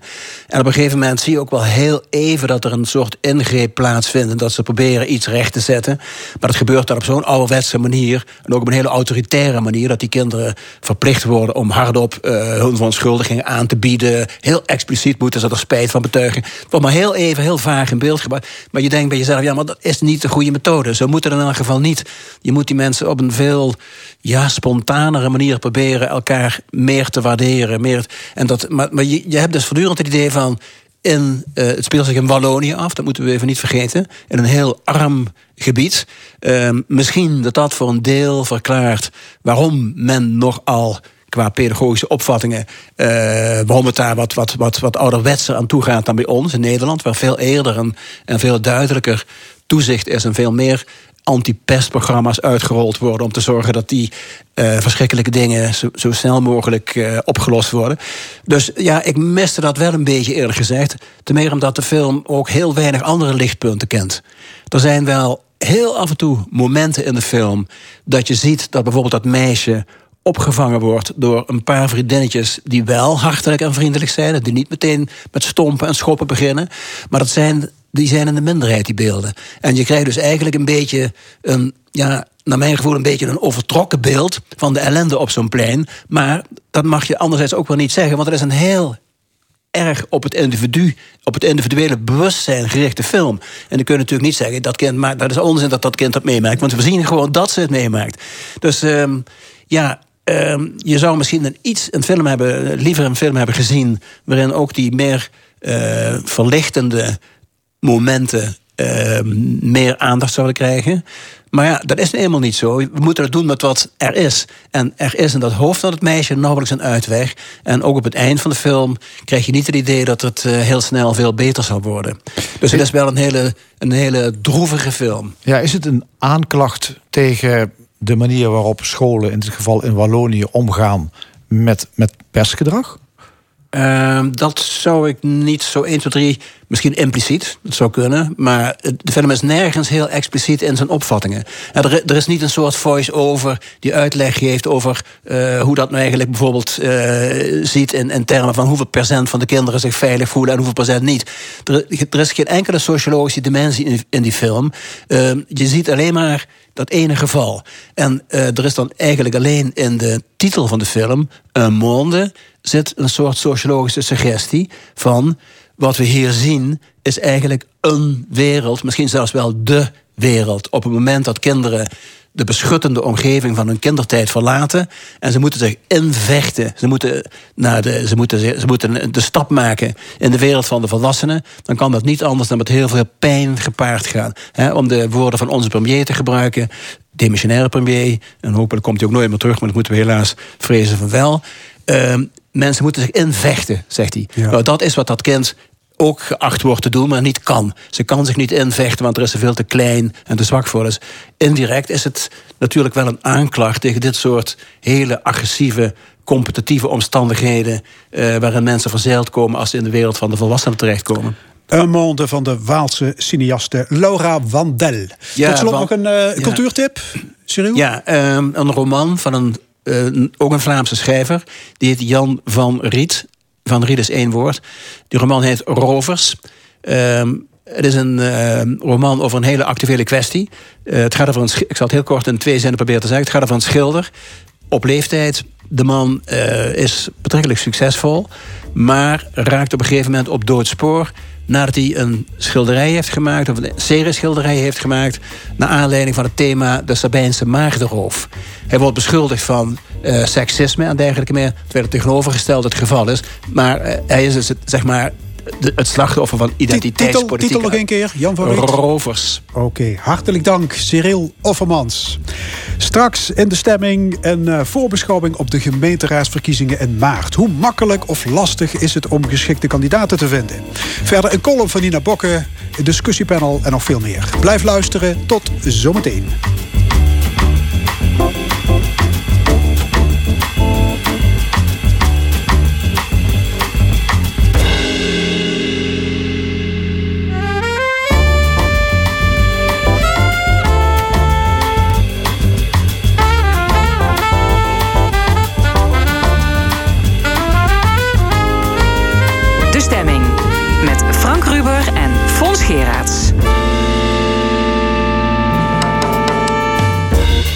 Opnieuw welkom bij de stemming. Wat allemaal in dit tweede en laatste uur. Straks discussieert het panel met Geert van der Varst, Karen Leunissen en Jan de Wet over wel of geen vaccinatieplicht en andere actuele zaken.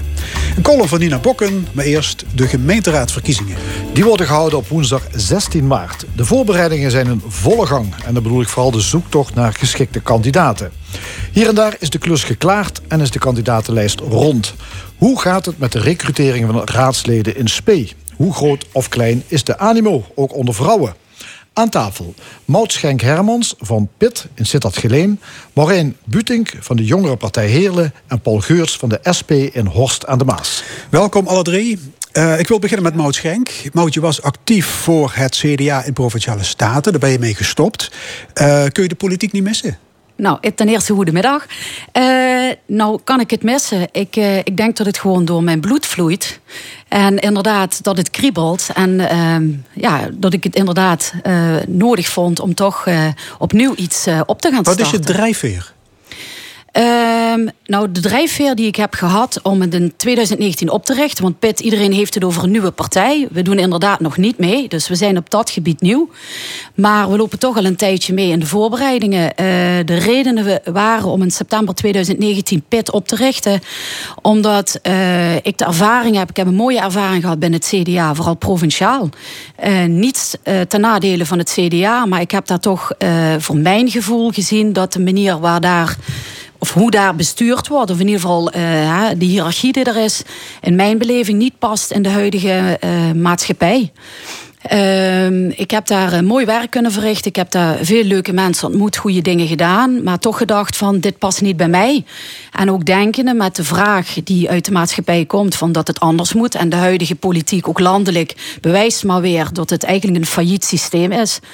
Um, dat het tijd werd voor iets nieuws. Ja, tijd toen dacht je, ik ga zelf een nieuwe lokale politieke partij oprichten ja. in Sittard Geleen. Ja. He, Pit, staan die letters nog ergens voor? Jazeker. Uh, de P voor politiek, innovatief en toegankelijk. Kijk eens aan. En wat ja. zijn de drie belangrijkste programmapunten van PIT? Nou, ten eerste is natuurlijk uh, de, de bestuurscultuur. Wij denken dat die open en transparanter moet. Uh, ten tweede is uh, dat we toch merken dat heel vaak de gedachte in Sittert Geleen is... we bestaan uit verschillende kernen, twaalf om precies te zijn. En de tendens is nu een beetje van als kern A iets krijgt... dan moet kern B het ook krijgen. Terwijl ik denk, dat doe je met je eigen financiën ook niet. Daar waar iets nodig is en goed is voor de ontwikkeling... moet je zeker kijken als gemeente om te ondersteunen. Maar val niet in die dat je dan zegt dat de andere kernen dat ook moeten krijgen. Want dat kun je financieel nog gewoon niet betalen. Jij zelf bent van Geleen, dus je gaat niet vooral de belangen van de wereldstad behartigen? Nee, het is Sittard Geleen en daar horen, horen alle kernen bij. Goed, ook een uh, Heerl heeft zich een nieuwe lijst aangediend, namelijk de jongere partij Heerlen. Uh, Marleen Butink, lijsttrekker, hoe is het begonnen? Um, nou, eigenlijk zijn wij um, ja, nou, niet echt een, een, onbekende speler in Heerlen. We zijn geboren, zeggen wij altijd, uit de Stadspartij Heerlen. Daar hebben wij onze roots. Uh, en daar was eigenlijk vraag naar verjonging. Um, Jeroen Hendricks en, en ikzelf uh, hebben dat voortouw daarin genomen. En we zijn eigenlijk als, uh, als afdeling zeg maar, gestart. Um, en uiteindelijk hebben we toch het idee gekregen van... goh, misschien is het toch wel beter om als partij verder te gaan... Uh, met, een, uh, met een hele duidelijke link daarin. Ja, dus jullie zijn voortgekomen met de Stadspartij. Klopt. Maar die Stadspartij doet straks ook mee de Zij verkiezingen. Doen zelf ook mee. Hoe, hoe moet ja. dat? Nou ja, wij hopen eigenlijk om samen in de raad te komen. Om uh, ja, toch het, het SP-blok wat er op dit moment zit... Um, daar toch wat uh, van af te snoepen en daar uh, toch wat, wat meer progressie in, in te gaan boeken. Ja, dus de lokale samen... politiek in Heerlen wordt nogal gedomineerd door de SP. Exact, ja. Dus daar moet korte metten mee worden gemaakt. Ja, exact. Dat is eigenlijk het, uh, het, het, het grootste doel. Is de jongere partij per definitie een one-issue partij? Absoluut niet. Nee, wat wij merken is dat, uh, en zo staan wij daar zelf ook in, is dat um, we niet alleen natuurlijk de jongeren proberen te betrekken. De opkomst was gigantisch laag uh, afgelopen verkiezingen. Um, we willen dus niet alleen de jongeren gaan betrekken, maar wij merken ook dat um, ouders van jonge, jonge gezinnen, dus die bijvoorbeeld uh, de, de 35, 40, uh, 45 zijn, maar ook uh, grootouders het idee hebben van goh, deze partij die focust zich echt op de toekomst. Niet alleen op de toekomst van Heerlen, maar ook op de toekomst van de jeugd. Dat is de toekomst. En je maakt daarin dat. Ja, maar toekomst, dat klinkt, dat klinkt nog altijd een beetje vaag. Wat, wat willen vaag. jullie precies? Want van jullie website word ik niet veel wijzer. Jullie willen verandering. Ja, maar welke verandering? Geen idee. Nou, we zijn inderdaad uh, heel hard aan het werken aan, uh, aan, om, om echt naar buiten te treden. Daar kiezen we een gericht moment voor. Dit is echt onze eerste live, uh, livegang wat dat betreft. wij staan voor verandering, verjonging en vernieuwing. Verandering in de zin van er moet echt iets veranderen aan het politieke klimaat. dat is op dit moment gewoon te um, wollig, te warrig, niet transparant genoeg. Dat politieke klimaat dat moet echt veranderd worden. Daaraan hangt natuurlijk ook het stukje dat, dat er gewoon echt verjonging moet gaan komen. Uh, er is zoveel, um, ja, hoe, hoe zeg ik dat? Het, het, er zitten zoveel, laten we gewoon heel uh, netjes zeggen, uh, ervaren mensen, grijze duiven zoals wij ze ja. dan noemen. Daar mag ook wel verandering komen. Dus gewoon echt, de jongeren zijn onderbelicht. En wij willen gewoon echt die jongeren een stem gaan geven. Hoeveel energie heeft het gekost om jongeren te vinden die zich kandidaat wilden stellen? Um, nou, ik hoor hier net uh, links van mij bij Mout van we zijn in, in 2019 gestart. Nou, wij zijn zelf in 2018 al gestart. Het is dus echt een traject van drie jaar waar we nu in zitten. En het kost natuurlijk heel veel tijd en energie. Heel veel tijd en energie. Maar dat gaat goed. Ja, kandidatenlijst klaar? Uh, nou, het, grote gros is klaar, maar er kan altijd nog, uh, kan altijd nog wel bij. Ook aan tafel Paul Geurts, ja. SP-veteraan in Horst aan de Maas. Uh, Paul, de SP heeft nu drie van de 27 zetels. Vier eigenlijk, Vier? alleen één kwijtgeraakt in de loop van de tijd. Oké. Okay. En jullie doen niet meer mee op 16 nee. maart. Hoe komt nee, dat? dat? Waarom niet? Nou, dat heeft uh, vooral te maken met de ontwikkelingen die we in de laatste raadsperiode mee te maken hebben gehad. Er is een uh, raadslid, wat ik net eigenlijk al zei, is overgelopen naar een andere partij. Is inmiddels overigens alweer overgelopen naar zijn eigen partij, zou ik maar zeggen. Uh, er is, we hebben te maken gehad met een raadslid van ons dat overleden is. Aniet Fontijnen. Nog niet zo lang geleden, juni, afgelopen juni. En uh, nou, er zijn wat in de, in de afdeling zelf uh, wat problemen geweest, ook met, uh, met overlijden van mensen en zo. Dus we hebben gewoon een, ja, een rot, rotte tijd achter de rug. In die tijd hebben we wel van alles geprobeerd om, om mensen, dus kandidaten te zoeken. Alleen dat is helaas niet gelukt. Maar er is En een heel Horst en de. Maas niemand te vinden die zich Jawel, voor de SP eh, wil kandideren voor de gemeenteraad. Eh, we hebben de- fractievoorzitter die, er nu, die we nu hebben, die zou graag door willen gaan. Eh, maar andere mensen die, die achten zich op dit moment nog niet geschikt. Terwijl wij denken dat ze dat wel zijn. Maar die zeggen van nou, we willen nog wachten tot de volgende verkiezingen. Nou, wij hebben, in ieder geval het voordeel om bij de volgende verkiezingen zeker weer meer te, mee te doen. Ja, maar en we heb- maar de komende tijd goed- zullen wij zeker actief blijven. Goed genoeg gezocht wel. Eh, dat denken wij wel. We hebben dus onder onze leden gezocht. Eh, we hebben zo'n 100 leden in, eh, in Horst en de Maas. Er zijn een aantal mensen die, die, die zichzelf te oud vinden. Ik denk niet dat je dat te oud zou moeten vinden. Maar goed, als mensen dat vinden, dan... Je bent nooit te oud voor de gemeenteraad, zo vind ik dat, ja. Maar andere mensen vinden dat kennelijk wel. En nou ja, goed, dat soort problemen zijn we tegengekomen. Mensen die zeggen van ik heb het heel erg druk met, met mijn werk. Dat is vaak een probleem. Eh, wat we ook merken is dat sommige mensen die zeggen ik wil me met dit probleem bezighouden. Dat vind ik prima. Ja, en als je in de politiek zit, eh, dan, eh, dan is dat veel breder. Nou, ik denk dat dat ook een punt is wat, wat, wat vaker voorkomt. Dat mensen zeggen van ik wil me hier hard voor maken, ik wil daarvoor gaan strijden. Dat ondersteunen we natuurlijk ook als SP en daar gaan we ook mee aan de slag. Maar om dan net die stap verder te zetten, dat is soms toch moeilijk blijkbaar. Niet alleen in Horst en de Maas doet de SP niet mee, ook niet in Venlo. Ja. Hoe, hoe treurig is dit? Ik vind het heel treurig. Maar ik weet de hele precieze omstandigheden in Venlo weet ik niet. Maar ik weet dat voor ons is het heel treurig. We hebben nou eh, vanaf eh 90, eh, zeg maar, hebben wij in de gemeenteraad meegedaan. Dus dik eh, 30 jaar. En dan dat is heel treurig. En dat is heel treurig. Ben, om- ben je teleurgesteld in de linkse medemens? Nou, nee, nee, we zijn heel actief. We zijn, eh, dat maakt het nog extra bitter, zeg maar. Want je bent heel actief. We zijn heel actief in Horst en de Maas. Maar dit is we toch doen van allerlei laat ik zeggen, dingen. een, gebrek, nog- een gebrek aan engagement of gebrek aan burgerschap. Nou, dat denk ik niet. Want er zijn mensen, heel veel mensen waar wij mee eh, aan de gang zijn om dingen te verbeterd te krijgen. Maar We de raad is dan net een stap, stap te dat ver. blijkbaar, ja. Ja. Blijkbaar is het voor sommige mensen te moeilijk om die stap te zetten. Ook de gemeenteraad is natuurlijk niet altijd even leuk. Hè? Als je, Nee, daar kom ik, daar kom ik zo meteen nog op. Schenk Hermans, oprichter van de lokale partij PIT. Eh, hoeveel moeite heeft het jou gekost om kandidaten te vinden? Ja, ik vind het heel vervelend om te zeggen. En het klinkt niet positief, maar niet zoveel. En ik denk als je een hele goede boodschap eh, hebt. eh, ik denk ook omdat het iets nieuws is. Dat doet het altijd goed. Eh, maar niet zoveel. Maar, maar niet- wacht eens even, hoe weet jij dat de mensen op jouw lijst geschikt zijn? Heb je Nou- ze allemaal persoonlijk gescreend? Eh, kijk, dat, dat begint er al. Ik kan het natuurlijk eh, heel uitgebreid maken. Maar het begint al met een andere vorm van eh, je insteek. Dus ik ben niet op zoek gegaan. Ik heb natuurlijk wel een aantal mensen waarvan ik dacht... zou het iets voor je zijn? Maar eigenlijk zijn het mensen geweest die zichzelf bij mij gemeld hebben. Die hebben gezegd, ik ben je aan het volgen. Ik, ik, ik zie je boodschap. Ik zie wat je wil. En ook heel veel mensen die mij persoonlijk kennen... en weten hoe ik dagelijks werk. Wat ze dan aanspreekt. Ehm, en wat heel belangrijk is, is eh, de mensen te leren kennen. Dus we steken niet alleen maar erin wat zijn je plannen en je ambities. De meneer naast me vertelt van ja, sommigen willen zich. Oh, excuus. Eh, Paul geeft aan van iedereen, eh, of er zijn er een aantal die willen maar met één of twee dossiers. Die heb ik ook.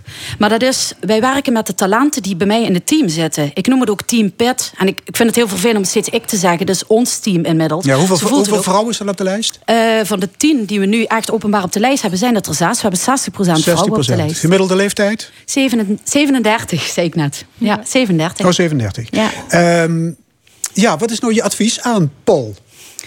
Wat zou die moeten Ja, doen is- daar in Horst aan de Maas Dat de is eh, heel lastig om te zeggen. Kijk, eh, je ziet al een kentering in de politiek... waar je vroeger mensen kon benaderen en ze daarvoor kon paaien... is het op dit moment dat mensen zich aangesproken moeten voelen. Meer dan ooit.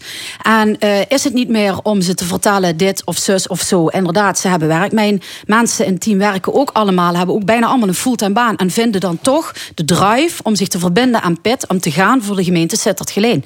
Ehm, ik denk dat de boodschap in deze tijd gewoon heel belangrijk is. En die spreekt je aan of die spreekt je niet aan.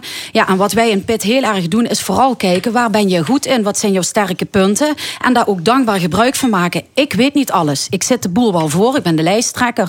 Maar ik weet bijvoorbeeld dat nummer drie op de lijst, Karen... heel sterk is in haar netwerk met mensen om zich heen... die het niet makkelijk hebben. Daar maak ik gebruik van en niet negatief gebruik van... maar zij is voor mij daar een expert. Als het gaat over eh, kredietverlening of armoede of schuldhulpverlening... dan ga ik naar haar, dan vraag ik aan haar... wat is jouw advies?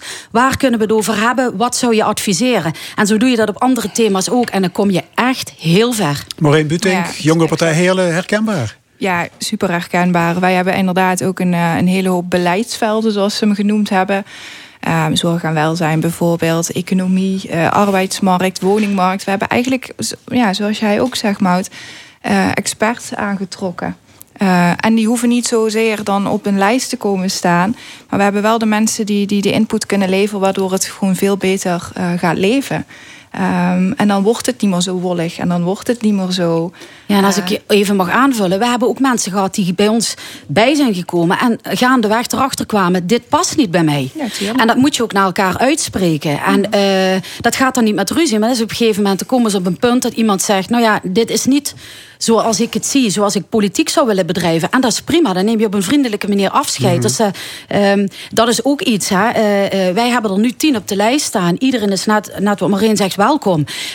maar ik, we, we, we, kijken wel, past het? Dat is ook een verschil met hoe het nu gaat. Zoeken om maar die lijst vol te krijgen. Ik wil weten of ik kwaliteit op mijn lijst heb. Want ik moet met die mensen kunnen werken. En op die mensen kunnen bouwen in de gemeenteraad. Doe ik in mijn huidige werk ook. Waarom zou ik dat dan niet in de gemeenteraad doen? maar dat denk ik ook, en dat is bij ons niet veel anders. Hè, van wat je vertelde van mhm. hoe, dat, uh, hoe dat aanpakt. Dat is bij ons ook. Het gaat niet zo dat je per se moet hebben die over alle terreinen van alles uh, mm -hmm. weet. Nee, het moeten mensen zijn die een drive hebben, die graag voor mensen op willen komen. Althans, voor ons is dat in ieder geval belangrijk. Ik neem aan dat het voor jullie ook zo is. Ja. Mm -hmm. daar gaat het om. En we hebben eigenlijk al sinds het begin, vanaf dat wij gestart zijn, hebben we altijd moeite gehad om mensen met, om veel mensen op de lijst te krijgen.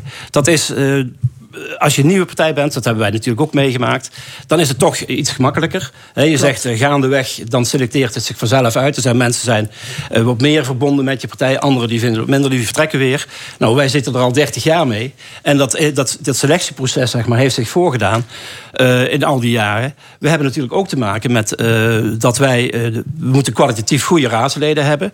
Maar daarnaast willen we ook nog dat die mensen uh, actief naar de mensen toe gaan, naar de burgers toe gaan. En samen met die burgers dingen oppakken. Dus je hebt uh, misschien dat we soms te hoge eisen stellen. Dat is een extra inspanning eigenlijk. Dat is een extra inspanning. Ja, ja, ja. Je moet uh, niet alleen in de raad goed je woord kunnen doen. Dat is heel belangrijk natuurlijk. Ik bedoel, ik ga absoluut niet bagatelliserend doen over het werk in de, in de, in de politiek en de gemeenteraad. Maar je moet ook naar de mensen toe gaan. En ook het lef hebben om samen met die mensen dingen op te pakken. Ook tegen de stroom in. Want dat is het vaak, uh, tegen de stroom ja, Jullie zeiden al, je moet goede mensen hebben. Want de gemeente gaat over de jeugdzorg. gaat over de WMO. Over werk en Steeds inkomen. Daar komt straks de omgevingswet bij.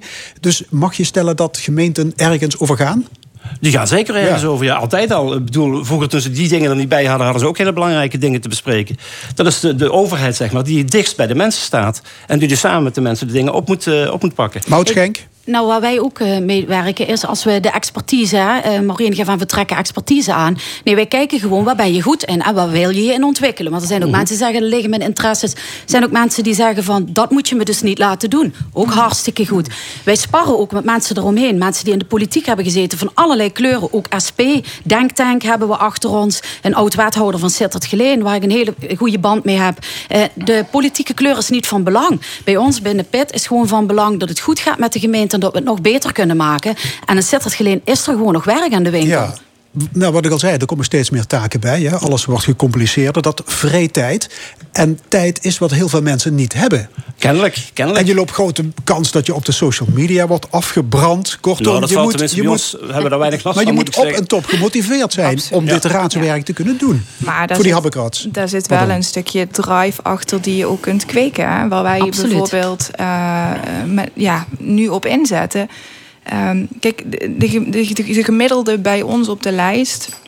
Eh, het zijn niet allemaal jonge mensen. Dat hoeft in deze fase. Wat nee, je bent zelf dertiger. De nummer twee is geloof ik 41. Ja, exact. Uh, er zitten zit een aantal jongeren tussen. Hè, die, die echt onder de 27 zijn. Want dat is dan hè, de definitie jongeren. De oudste is geloof ik 56. Uh, eh, en eigenlijk is dat een heel gemeleerd gezelschap.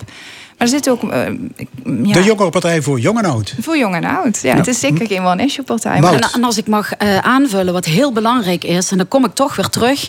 dat mensen zich gezien voelen en gewaardeerd worden... om dat wat ze weten, wat hun talent is. Daar krijg je mensen mee in beweging. Dat heb ik gemist. Maar en nogmaals, het is niet partijgerelateerd. Ik zat daar maar, ik had het idee dat ik alleen maar op ja of nee moest duwen op een knop. Mijn passie en enthousiasme lekte gewoon weg. Dat heb ik ook onlangs in de krant geschreven.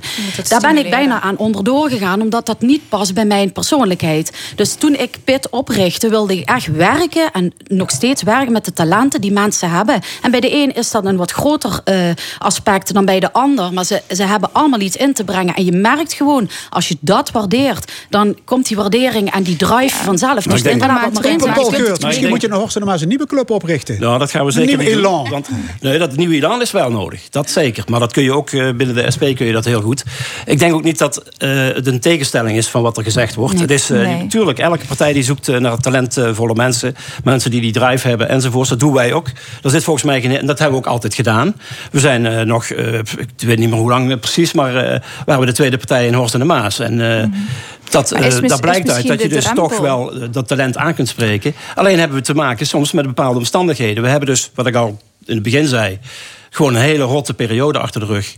Die ook echt een mentale aanslag heeft gepleegd op de afdeling. En dat is moeilijk uh, overheen te komen soms. Maureen ja. Butink? Ja, is, is het misschien een, een drempel, heb ik me wel eens afgevraagd, hè, om raadswerk te willen doen, hè, om raadswerk te gaan doen. Ik, bij mij is het, wat jij zegt, stroom door de aderen. Bij mij zit het, ik ben de derde generatie als het lukt mm -hmm. uh, in de gemeenteraad in Heerlen. Uh, binnen onze familie dan. Um, wat mij maken is dat er gewoon uh, het animo, dat, dat loopt inderdaad terug. Daar lopen wij ook tegenaan. Mm -hmm. Maar wat wij gedaan hebben, is een kweekschool gemaakt. En ook gezegd hebben van nou goed, weet je, het raadswerk komt misschien voor jou nog te vroeg. Ja. Ja, ik kan me voorstellen, je bent net 18. Ja, je wil eigenlijk wel wat, maar ja, goh, weet je, dat komt heel veel op je af. Ja. Je kunt ook dat, begin maar met commissiewerk. Ja. Groei daarin. Nee, maar dat doen wij ook. Dat is, in die zin denk ik dat wat jullie vertellen is niet zo nieuw voor ons. Ik bedoel, dat doen we al 30 jaar. Doen we dat zo. Mm -hmm. Alleen er zijn specifieke omstandigheden waardoor dat ook minder lukt.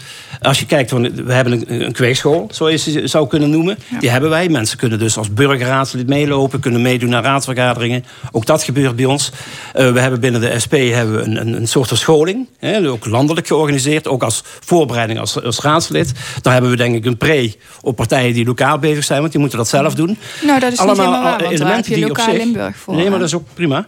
Maar uh, in die zin doen we alles. Uh, alleen er zijn specifieke mm-hmm. omstandigheden, denk ik, in Horst en de Maas, waardoor dat, dat wat moeilijker is gebleken. Ja, plus, als ik mag aanvullen. Laatste opmerking, Moutschenk. Uh, ik denk dat je aan de ene kant een voordeel, maar ook een nadeel kunt hebben dat je een landelijke partij bent. Exact. Oh, dat zou best ha, en, ja. Dus dat maakt het voor ons in ieder geval ook gemakkelijk. Ja, maar dat zijn geen, niet gebonden dat zijn geen keuzes of je landelijk. Het gaat erom. En dat is denk ik toch als je een jongere partij hebt of, een, of, of jullie als PIT wij hebben een, een, een leidraad, zeg maar. Het mhm. socialisme, wat wij belangrijk vinden, proberen de ongelijkheid die er is... en die steeds nadrukkelijker wordt om dat uh, op te pakken... daar werken we hard aan. En daardoor hebben alle neuzen alle kant, dezelfde kant op. Dat is heel belangrijk. Dat moeten bij jullie nog maar afwachten of het allemaal gaat Ja, maar het gaat niet om ons, het gaat om de, de kijkers en de stemmers. en als die inderdaad als het dus een, ASP niet gevoelig zijn... Nee, maar als er een kloof is in de samenleving... dan moet elke partij er toch hard aan werken om dat op te lossen. En dat doen wij in ieder geval. En daar hebben we al een hele lange traditie in. Kom nog, eens een keer, kom nog eens een keer terug, alle drie. Onze tijd is op. Hartelijk dank. Mout Schenk Hermans van Pit in Sittard-Geleen. Uh, Maureen Butink van de Jongere Partij Heerlen. En Paul Geurts van de SP in Horsten Maas. Dank, Dank je wel. Dankjewel. Dadelijk in de stemming het opiniepanel. Dat neemt de week door. Er is een column van Nina Bokke. We gaan eerst luisteren naar Aphrodite's Child. Rain and Tears.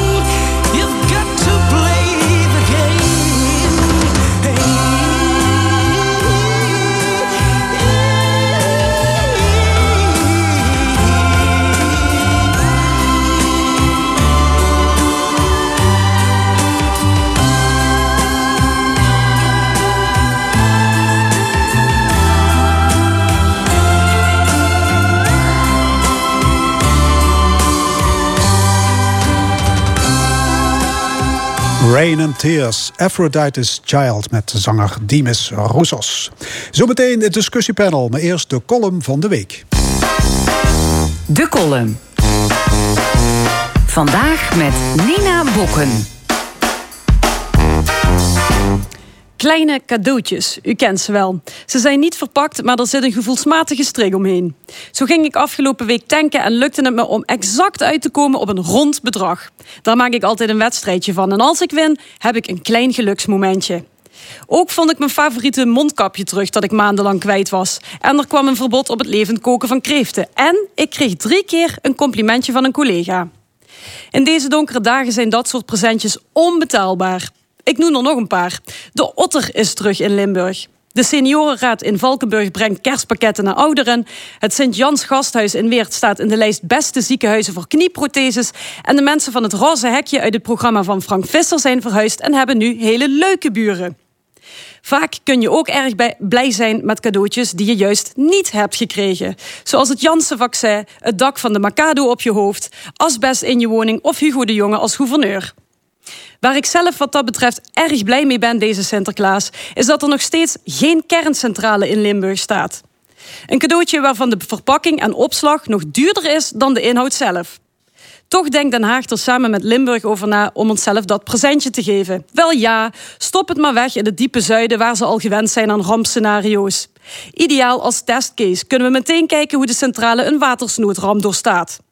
Het reclamelabel waarmee het cadeautje in de vitrine staat is klimaatneutraal. Oplichting waar Black Friday nog een puntje aan kan zuigen. Sinds jaar en dag is al bekend dat kernafval zo'n 240.000 jaar lang schadelijk en zelfs dodelijk blijft voor de mens, dier en milieu. Niemand ter wereld, ik herhaal, niemand ter wereld is het nog gelukt om een lange termijn oplossing te vinden voor het veilig opbergen ervan.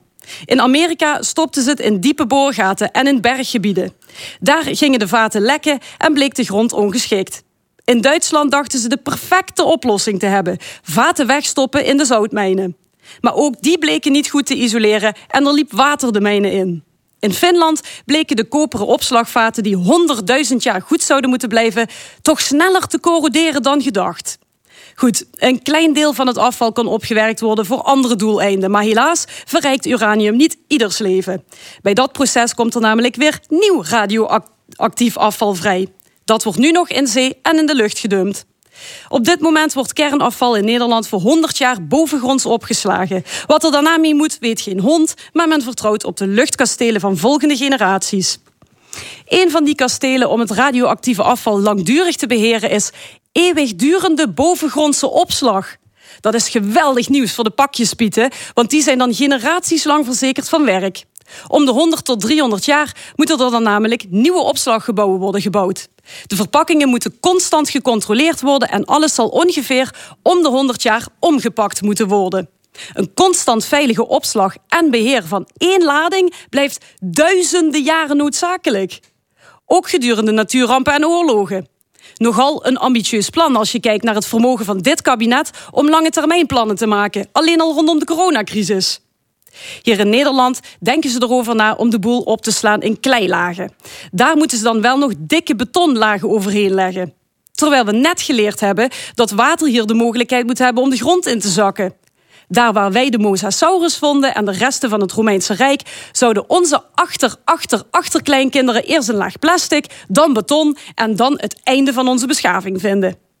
Kijk, en dat hebben we vandaag dus allemaal niet cadeau gekregen. Dank u wel, Sinterklaasje. De column van Nina Bokken. Aangeschoven is het discussiepanel om het nieuws van de voorbije week door te akkeren. Vandaag over verplichte vaccinatie, de veeg uit de pan van Remkes en de prijsstijgingen. Aan tafel Jan de Wet, oud-Kamerlid van de SP, Karen Leunissen, ex-voorzitter van het CDA Limburg en communicatiedeskundige Geert van der Vast.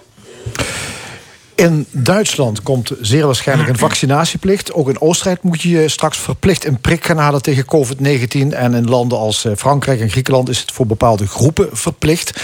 Wat vinden jullie van zo'n idee? Een verplichte inenting, Jan de Wit? Goed, heel goed idee.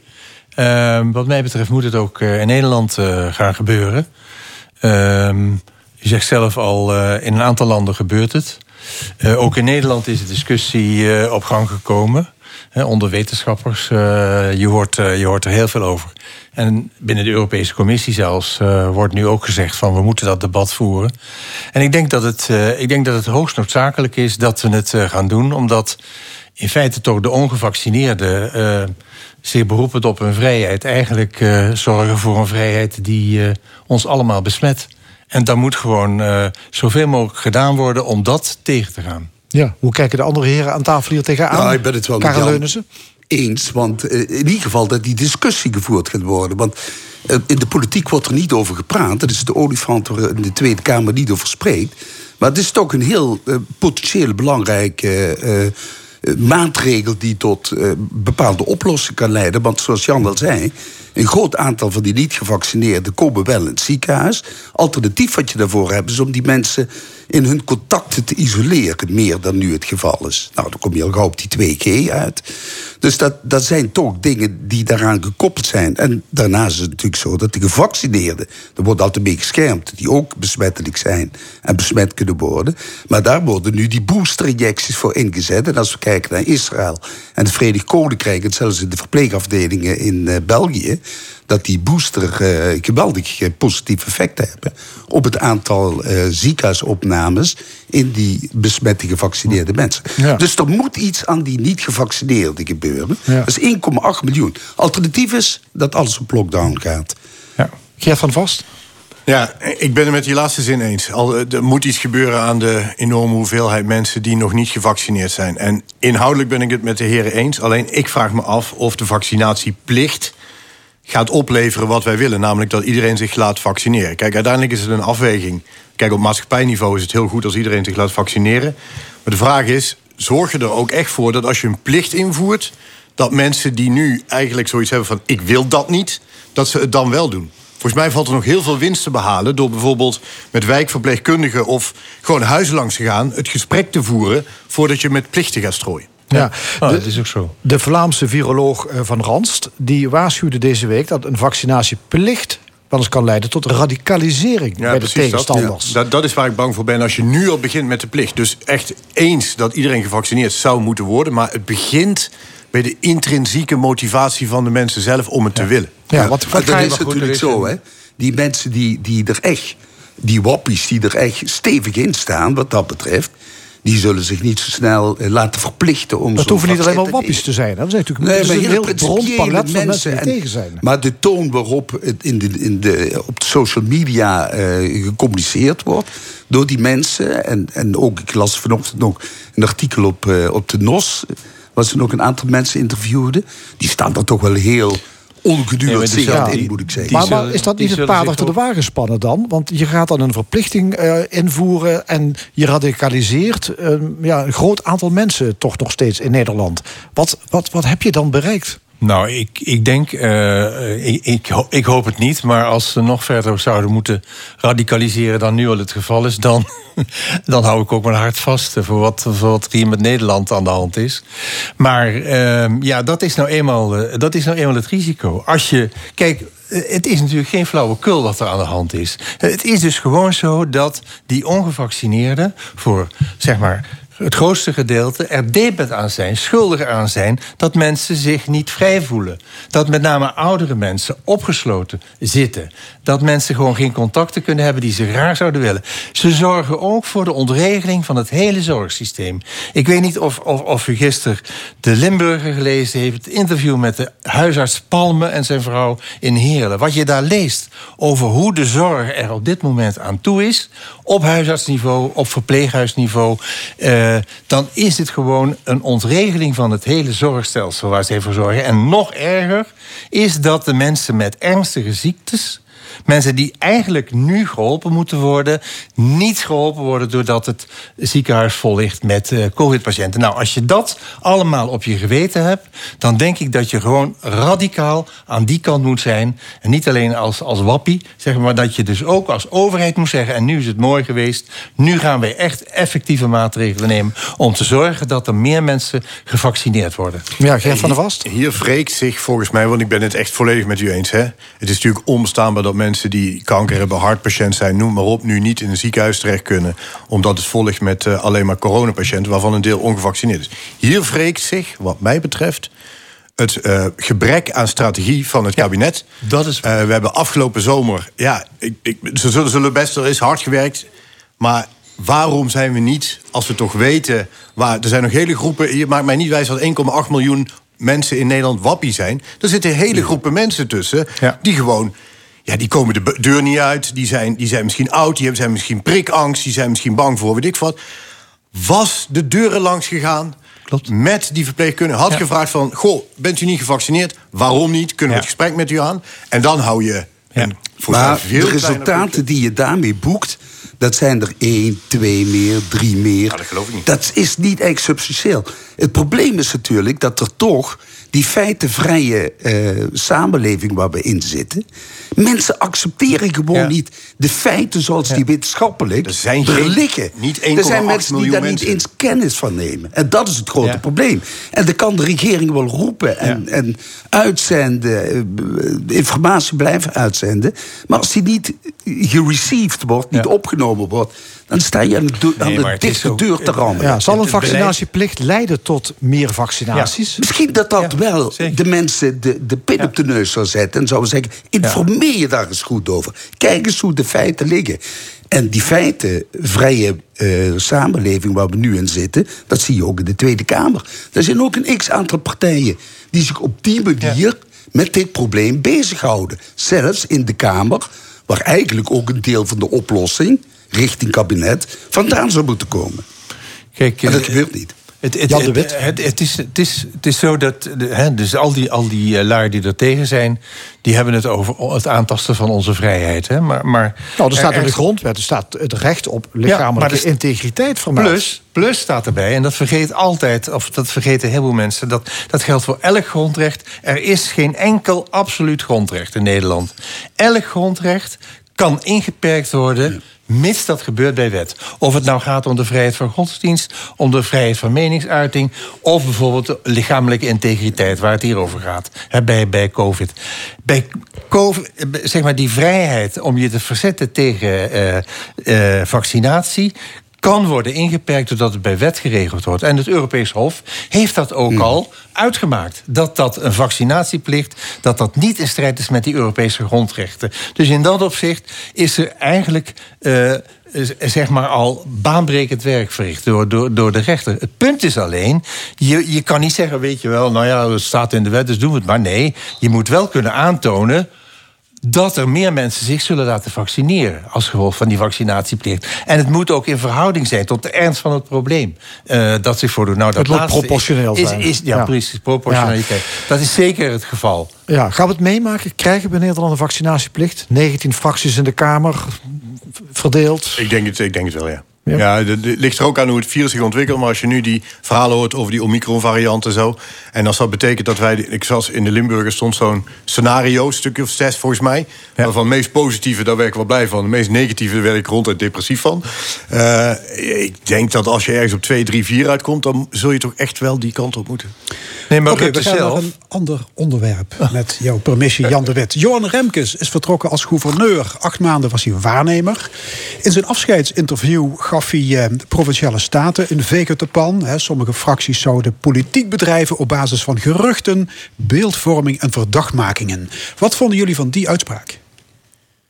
Nou, daar heeft hij gelijk in, denk ik. Eh, als je kijkt naar hoe het allemaal mis is gegaan, hè, de, de, hele, het opstappen van het oud-college van gedeputeerden en van de, de commissaris van de koningin. Dat is natuurlijk toch niet allemaal op harde politieke feiten heeft dat, uh, was dat gebouwd. Hè? Dat, dat was toch ook vaak van, van wantrouwen, niet goed gedefinieerde uh, waarnemingen die niet altijd uh, bewezen waren. Nou, daarnaast is men ook niet in staat gebleken als provinciale staten om dat nieuwe bestuur in de, in de, aan te, te kondigen en in de piste te brengen. Dat is men gewoon niet toe. Het staat tegen Fremke zelf moeten doen. En dat was allemaal gebaseerd op wantrouwen, gestold wantrouwen. En niet feitelijke conclusies die uh, daaraan ten grondslag lagen. En ik vind dat heel ernstig. En daar heeft hij grondgelijk in dat hij daar de, de provinciale staten op heeft aangesproken. Jan de Wet? Uh, ja, kijk, Remke zelf is ook niet uh, helemaal. Uh, ik bedoel, hij, hij is natuurlijk de, de doodgieter, de klusjesman en de, rechtlijnige politicus die uh, zo af en toe flink zit te knorren. ook in zo'n artikel in de Limburger bijvoorbeeld. Kijk, Remke zelf heeft dat, dat verhaal over het opstappen van GS en van, de, van, van Bovens toch ook niet helemaal zuiver neergezet, omdat ze zelf zijn opgestapt. De, de gouverneur Bovens is zelf opgestapt zonder enige discussie daarover in de Staten zonder verantwoording af te leggen, zonder wat dan ook. En dan kan Karel zeggen dat dat, dat is ook zo. Dat is, het is niet goed gegaan. Ik denk dat dat ook niet goed gegaan is. Maar daar is toch niet helemaal zuiver van, van Remkes om dat te zeggen. En hij heeft toen ook de SP-fractie in dat artikel of in dat laatste interview heeft hij. Uh, daar heeft ja, hij moet ik even uitleggen. Hij, hij, hij zegt er wordt te veel. Wacht iets, even, er wordt te veel op de persoon gespeeld. Ja. Hij noemde twee voorbeelden. Ja. Hij zou te veel tijd hebben gestoken in zijn nevenfunctie als. Uh, uh, informateur. Ja. En hij zou een 1-2'tje hebben gespeeld met Edith Schippers van de Ja. VVD... over de verhuizing van DSM van Heerlen naar Maastricht. Ja. Daar mag je als statenlid toch kritische vragen over stellen, Volgens of, mij of ook. niet? Ja, volgens mij ook. En, en kijk, dat, dat is natuurlijk ook het. eh, de, de- zeg maar in de politieke verhoudingen mag dat eh, ook heel erg.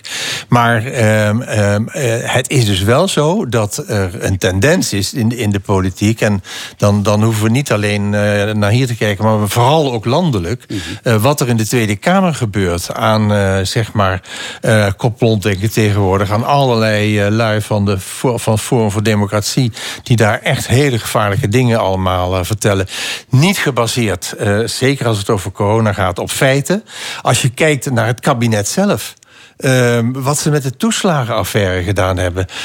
waar, waar, waar, waar mensen gewoon op enkele feit dat ze een laag inkomen hebben, worden al Kortom, veroordeeld. er is overal sprake van verruwing. Dat, en- dat is en het. Ja, verharding. verruwing, maar er worden dus dingen door elkaar gehaald. Maar, zonder maar feiten zegt, vaststaan. de SP hier in Limburg zou onderdeel zijn van het probleem. Ja. Dus mede verantwoordelijk voor de feitenvrije politiek en de omgangsvormen. Ja, ik, eh, kijk, ik, ik, ik, ik hoef hier niet eh, de SP-fractie Nee. te verdedigen of wat dan ook. Maar ik denk wel dat je eh, als politicus eh, moet je wel incasseringsvermogen hebben. En dat weet Remkes ook als geen, eh, geen ander. En eh, het iets, iets anders is of je eh, zeg maar in de benadering of in de toon of in, je- in, in, in, de wijze waarop je eh, zeg maar een verhaal presenteert, of je daar over de grens gaat. En dat is volgens mij hier niet het geval. Dat vind ik wel in de Tweede Kamer heel duidelijk wat daar de afgelopen weken eh, gebeurt. Dat gaat echt de, al het perken te buiten. Ja. Een gedetacheerde rijksambtenaar, want dat is Remkes... die een gekozen parlement de oren wast. Is dat rechtsstatelijk in de Haak? Geert van Nou, Vorst? ik denk als je kijkt eh, onder welk gesternte meneer Remkes naar Limburg is gekomen om hier eh, de rommel op te ruimen, die we toch echt zelf hebben gecreëerd, laten we daar ook heel helder in zijn. Als je kijkt eh, hoe de, eh, de, de luiken van het prachtige gouvernement nu toch echt wel wat opener zijn. Dan laten we zeggen, een jaar geleden denk ik dat we in de eerste plaats blij mogen zijn dat, dat even deze interventie heeft plaatsgevonden. Ja, Dat dus, dus iemand zonder enig democratisch mandaat... Dat- nou mag een gekozen volksvertegenwoordiging kapittelen. Je mag best, als je afscheid neemt, mag je best zeggen van nou, dit en dit kan wel beter. Ik vind ook dat je vragen mag stellen over, als je het over DSM gaat, hè. eh, van, dat is natuurlijk hoe dat gegaan is. Dat is op de inhoud. Op het moment dat je dan zegt van nou, is er een 1-2'tje gesloten met een partijgenoot, dat is echt op de persoon. Dus daar moet je dan hele sterke aanwijzingen voor hebben als je zoiets wil zeggen. Eh, ik denk dat meneer Remkes in zijn afscheidswoorden best zo'n boodschap mag doen. Ehm, als je ziet wat hij de afgelopen drie kwart jaar heeft gedaan. En nu is het aan meneer Roemer. En die hoorde ik net hier in de uitzending. En daar werd ik best vrolijk van. Dat, nou, als hij het zo gaat doen. Nee, maar je mag, je, natuurlijk dingen. eh, in de politiek mag je dingen beweren. Dus als op het moment dat er gesproken, sprake is van. Een, en dat valt mee. Ik, ik kijk nog regelmatig naar eh, Politiek 24, zou ik het maar noemen. Hoe de Tweede Kamer op dit moment opereert en debatteert. Dat is echt triest, vind ik zelf. En zo is dit ook met, met eh, Edith Schippers en het 1-2'tje. Op het moment dat iemand in de, in de staat, of dat nou een SP'er is of iemand van het CDA, maakt mij op zichzelf niet uit. Maar op het moment dat iemand dat zegt, dan sta ik aan de microfoon en vraag: hoezo? Wie dan? Waar? Hoe?